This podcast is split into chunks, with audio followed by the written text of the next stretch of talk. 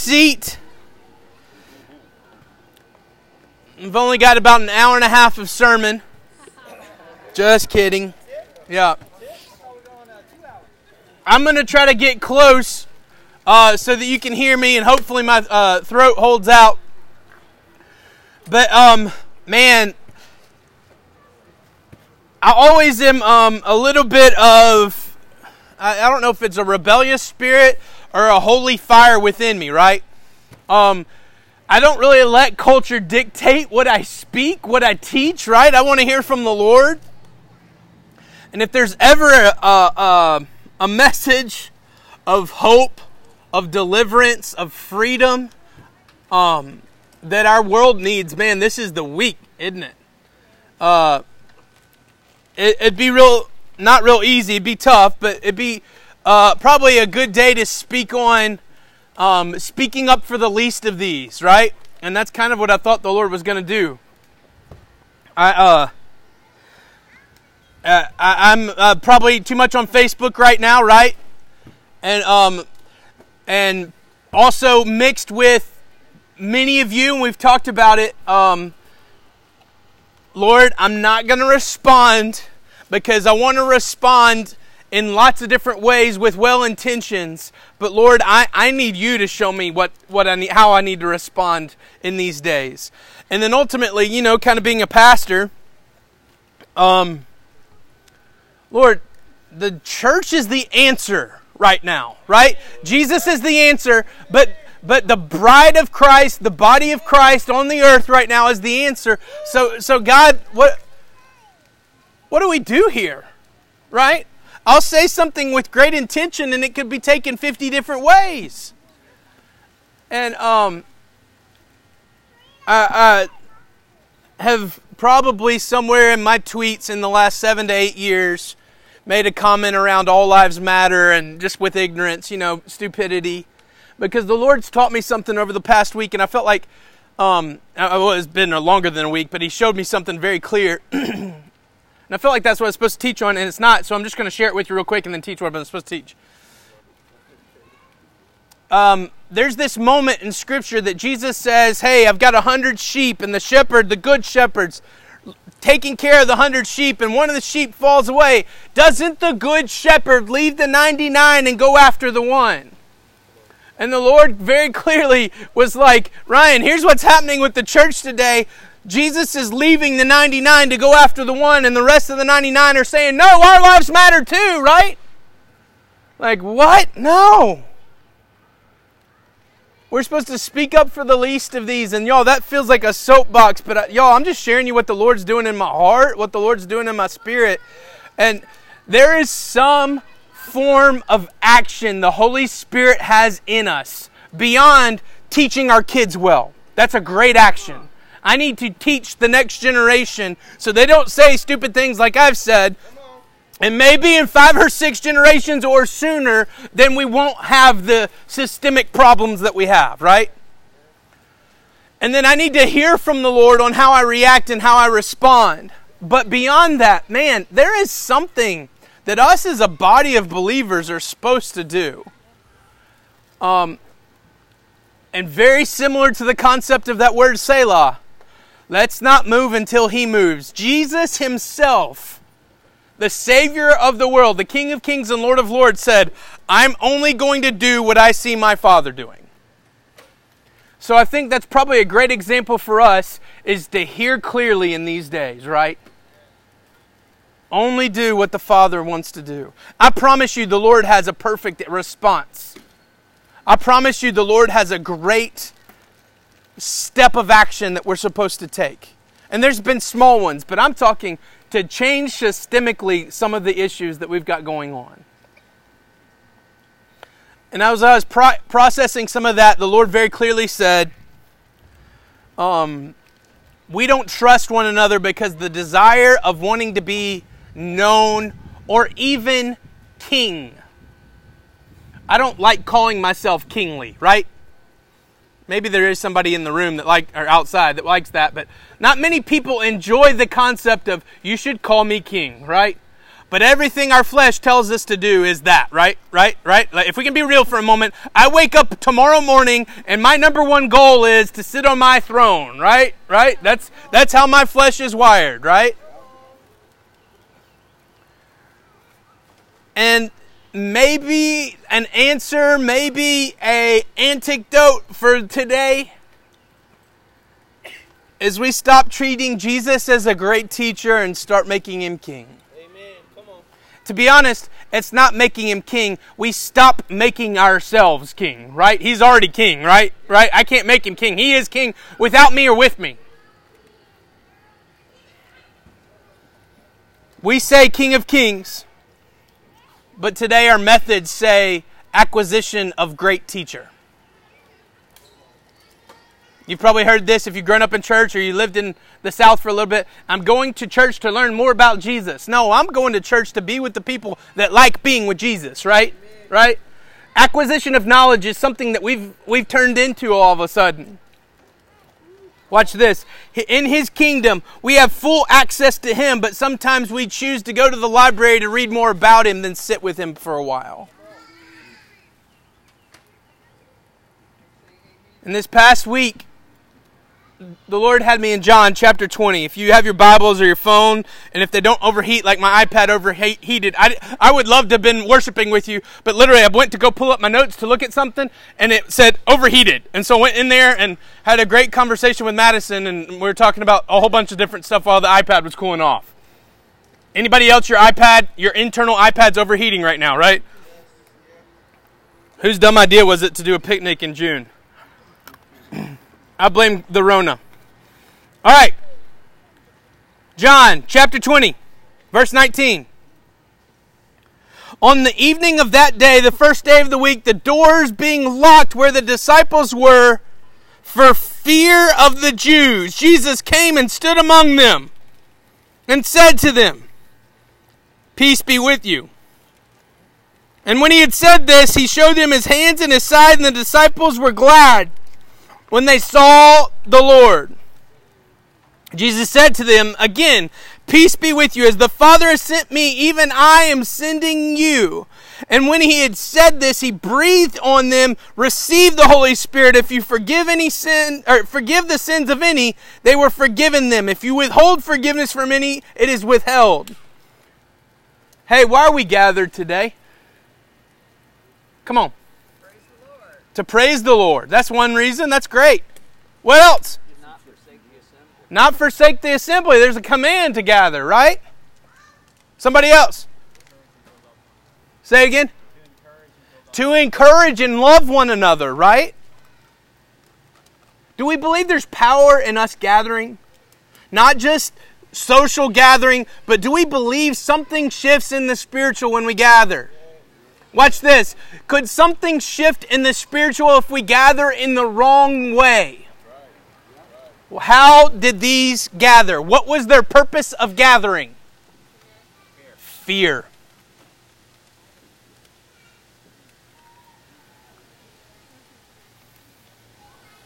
Why does Jesus show up behind the locked doors? Walking through walls. Max made me listen to some Andy Mineo song today talking about walking through walls and it's called Ghost. And I was like, wait, are you talking about Jesus being. I didn't really full, under, fully understand the theology of it, but I kind of got it a little bit, right? Jesus walking through walls. So if you're gathered in fear and someone shows up through the wall, be real, might be a four letter word that comes out of a pastor's mouth, right? What else? How's your, what's your response in that moment? Let's not be VBS here. What's going on in that moment in your heart? Fight or flight. Yeah, fight or flight. Like, okay, I'm going, or uh, throw somebody in front of you. Disbelief is probably the the shock, right? Fight or flight doesn't even kick in. Like the like the can I say it? The clinch for a moment, right? Right? Right? Like the I'm scared, what's going to happen? Oh no. And then realizing that it's Jesus showing the hands and side, showing the scars. Why did Jesus show up? He showed up to crush fear. He walked through walls to crush fear. The purpose of their visit of the visit because they were not gathering to worship, they were gathered afraid of the Jews. Grace-filled nudge from Jesus. What does he say to them? One, he breathes on them and then says what? He says something twice. Peace be with you, right? Right? Somebody's flipped out, somebody's passed out, somebody's freaking out to where Jesus himself needs to say, Hey, peace, I'm coming in peace, cool out. But then what does he say to them? I am sending you a grace filled nudge. He's basically saying, Why are we in the basement with the locked doors? If you forgive, forgiveness will happen. If you withhold it, it won't happen. So what are we doing locked up in this in this door in these doors right now? This isn't a anti-quarantine virus thing. I'm not talking about that. I'm talking in a realistic your heart right now. Is your heart locked up in fear? What does the ability to forgive do? Oh, I love it. When I forgive, fear runs out of the room. When I forgive, it opens my heart. The ability to forgive unlocks the doors and pulls the people out of the dark places into the light. Why are they afraid of the Jews? Because the Jews are doing bad things and they've done the ultimate thing of killing Jesus. And Jesus goes, Look, I have a perfected body, but I chose to keep the scars to show you it doesn't hurt anymore. I'm okay. Death doesn't have a sting. So, what are you doing? Even if God the Father sent me, now look, I'm sending, uh, let's unlock the doors for a second. Watch this. All the disciples, but who? If you know the story, all the disciples, but who's in the room? Huh? Thomas. Thomas, also known as Doubting Thomas. Verse 24. Now, Thomas, one of the twelve, also called the twin, was with them when Jesus came. Or wasn't, was not with them when Jesus came. So the other disciples said, We've seen the Lord. Hey, have you ever inter- had an interaction with somebody and come home and gone, Oh, I've seen the Lord, and that person go, Yeah, I'll believe it when I see it. My wife's nodding her head too often, right? right? Ann comes home the other night having a great prayer time with some of you, and I was I just probably had a critical spirit. I just was being in the flesh, right? Like, well, why didn't you do this? And why didn't you, you know? And like, I caught myself. I'm like, wait, I'm not trying to rain on your parade here. I'm sure the Lord did something powerful. Watch this. You ever thought about why Thomas wasn't there? Let me throw this at you. Because you've all been there and you've all done it and you know it. Isolation breeds doubt and fear. Why is Thomas not there? We don't know. But when the Lord does something, what's he say? I'll believe it when I can touch the scars in the side.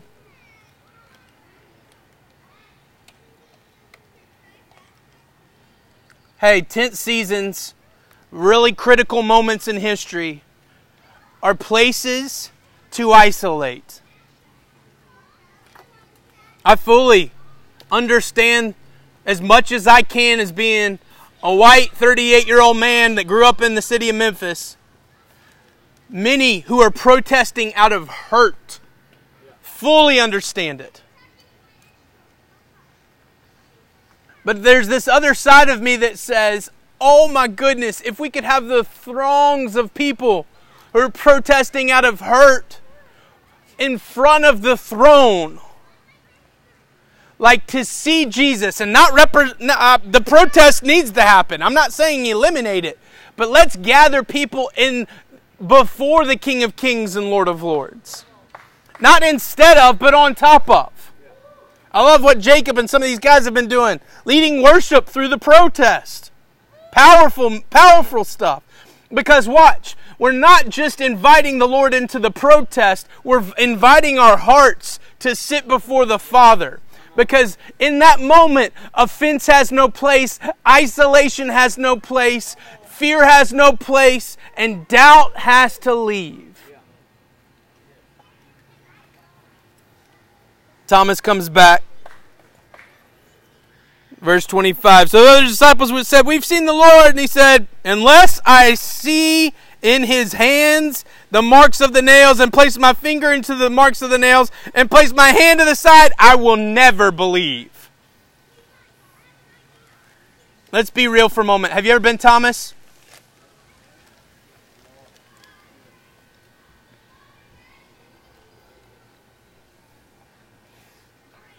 Let me go back to a question I've already asked.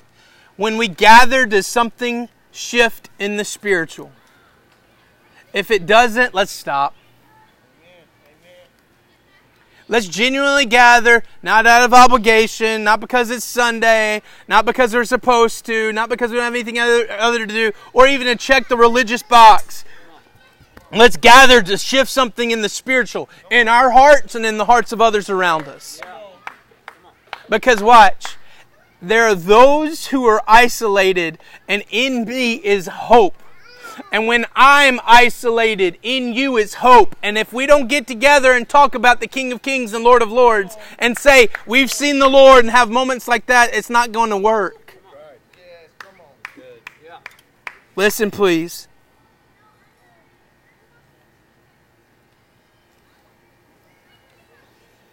His brothers were not telling him what happened. He just chose not to believe. They were explaining, not in a defensive posture, a stirring in their hearts. It wasn't a list of credibility to show, hey, this is what God's done, you should believe. They were just testifying of the thing that they've seen. We've seen the Lord. As we talked about last week, they weren't trying to make an opportunity to prove to Thomas this is who Jesus is. They were just explaining, I've been with Jesus, and it was a result Thomas had, an, it had to deal with who is this King of Kings and Lord of Lords. Watch this. This is how the enemy works. But ultimately, this is the reason why we have one another. The only thing, you know, y'all, uh, y'all, many of you've uh, gotten to experience the thing that the Lord's done in my heart around control, right? Right? I, and my whole life, I've grown up having to be in control, trying to do things, even manipulate things in church to control them and the Lord says, Hey, I'm doing a new thing and we're going to start this new church and, and it's not your church. And if anyone says it's your church, punch them in the face, right? Like, like open your hands, flex open handed, right? We walk open handed. Watch this. The thing that I'm most scared in this season is isolation. We've been mandated by the government to isolate for a season. But y'all, the thing that I have gotten to experience is the depth that the Father's done in these moments with each of you. But that doesn't mean isolation can't happen tomorrow, right? I'm going to stub my toe. I'm going to say something stupid. And I need you guys to say, hey, hang on, hang on. I've seen the Lord. Oh, yeah, yeah, yeah, yeah. I'm with you. I've seen the Lord too. Instead of me saying, nope, I'm not going to believe until I touch it, until I feel it, until I've got credi- credible proof. Watch this, I'm almost done. Eight days later. Now, you got to understand, this is a week later. They're counting by the nights, right?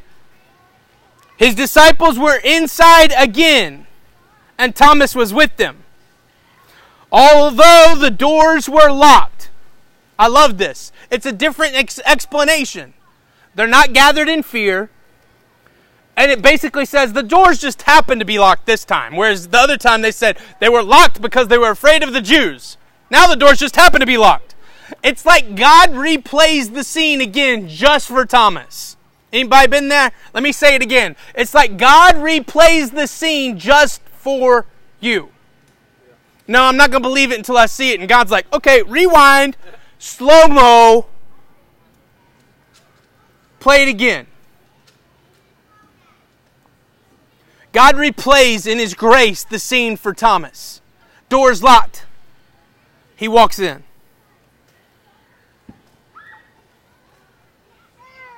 Jesus came and stood among them and said, Peace be with you. Then he said to Thomas, Put your finger here and see my hands.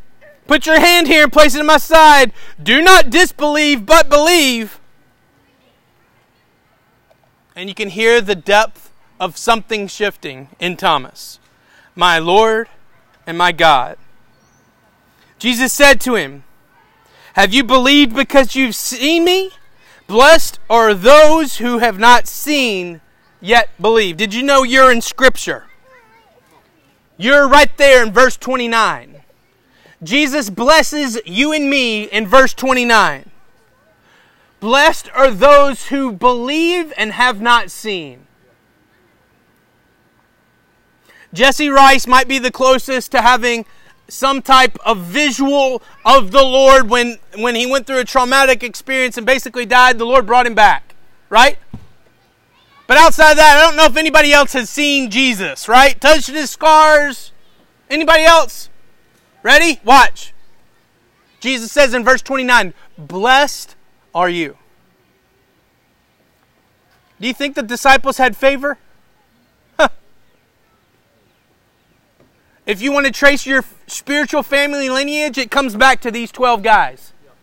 Do you think the disciples had favor? And Jesus says, in comparison, we're more blessed because we believe and yet have not seen.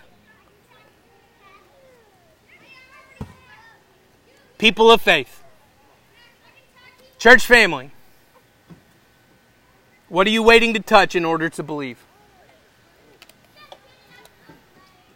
What are you waiting to touch in order to believe? I get into deep conversations with uh, David. Yo, David Escrow's on a vacation all by himself right now. Gina spoke into existence about six months ago on a Wednesday night, praying it over him, and David's like, I'm doing it. And then he, he's unplugged. I love it, right? But David and Ann the other night, I'm usually asking the crazy questions and they're like flipping the script on me the other night. And David's like, hold up, hold up, hold up, stop. Ryan, what's your core fear? And we went from like zero to 90 real quick, right? Like, okay, I'm good. Let's go there, right? And I'll share with uh, uh, you, you all. My core fear is because for the longest time I've led out of manipulation. My core fear is I'm going to lead wrong. I'm not going to do it how the Lord would have me do it. So I start sharing with David and Ann some of these questions. And David, that night, basically says, This is stupid. What are you doing? Stop. Basically encouraged me. He said, Ryan, you're leading great. Keep going. Ready? Next morning, Ann pulls me aside. It's like one of those, I'm busy, I'm kind of distracted, and she's like, Look at my eyes uh, I didn't do anything. right? Like, I was like, nothing. You ever walked in the room and your kids are like, nothing, nothing? I didn't ask a question. I walked in the house the other day and Max and Ella were like, oh, hey, Dad. What are y'all doing? And they were trying to make cupcakes. I figured that they were trying to figure out how to make cupcakes. But watch, watch. Ann grabs me and says, Hey, I need you to know that stuff's done. I don't see any of that in you. Sometimes we have seeds of doubt that I have to have someone come and uproot out of my life. But it doesn't happen if I'm not in the room. If I isolate, those seeds of doubt can flourish and grow. Watch. Isolation doesn't start seeds of doubts. Isolation just fertilizes the doubts that we already have. I have doubts, and I'm going to say stuff to you and you're going to pull the seed up, the root, and it'll be removed. You have doubts, and you're going to say something to me. The scary ones are when we don't say it. Family, please say the thing. What's the thing? What's the thing that you've told the Lord, I'm not going to believe until, until I touch it, until I see the evidence of it? And now I'm going to be a little quiet and see if anybody's bold enough to answer that question. What's the thing? Let's crush it. Bring it into the light. Come on. Plenty in the church family to here to combat the lie, combat the doubt.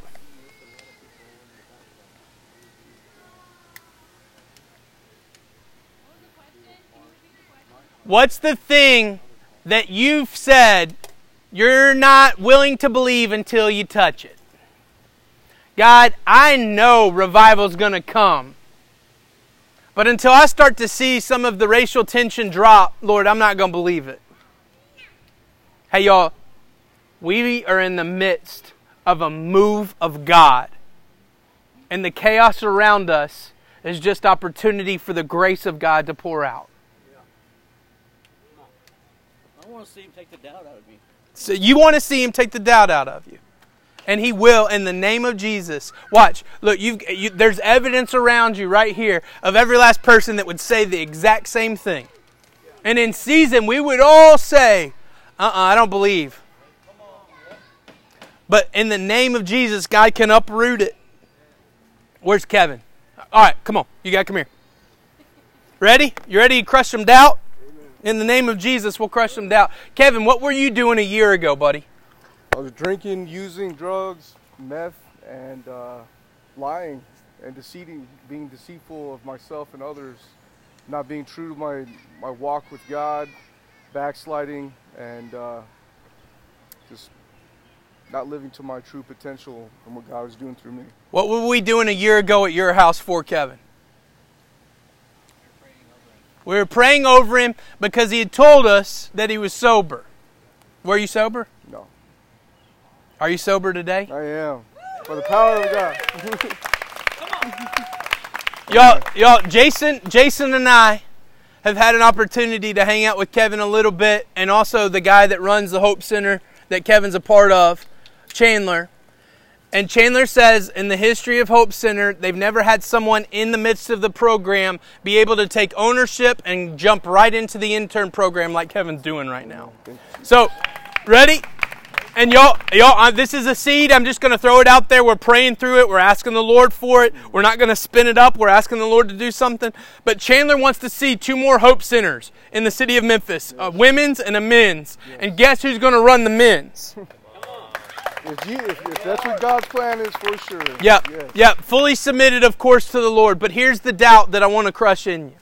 A year ago, we have a conversation around addiction and stuff, and kind of like he said, I, I lied. He lied, Yes, right? Straight up lied. But watch this. A few months went by, and the Lord let him play a little bit. Yep. Lord let him play and believe the doubt a little bit. And we start having conversations. And I say a line that I don't know if I fully believe, but definitely nobody around me believe. I'm like, hey man, there's this thing that does discipleship and rehab. It's called the Hope Center, and it's different like anything else you've ever done. And he's like, nah, I don't, I'm not buying it. And the Lord's dramatically shifted things. The Lord's dramatically changed.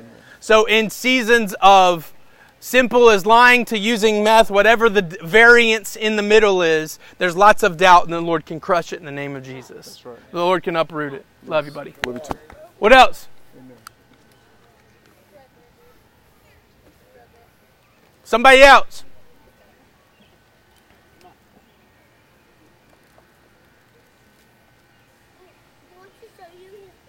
talking about personally. Yeah, come on. So for me, it's gotten crushed recently is the idea of You got to be a little louder. success by this world standards. The ROI. Yeah, so if we go and minister to someone, if we if you advance your company in some way and one brings investment and return and one brings investment and no return, we judge that based on those qualifiers. How does the Lord look at it? Obedience. Yep. So, uh, when you die and you walk into the kingdom and you are before the Lord, well done, good and successful servant. Silas, you got to say what he says. Faithful. Well done, good and faithful. So, faith and obedience. Man, they're not even measures of success, they're measurements of love, right? Measure, measurements of relationship. Somebody else.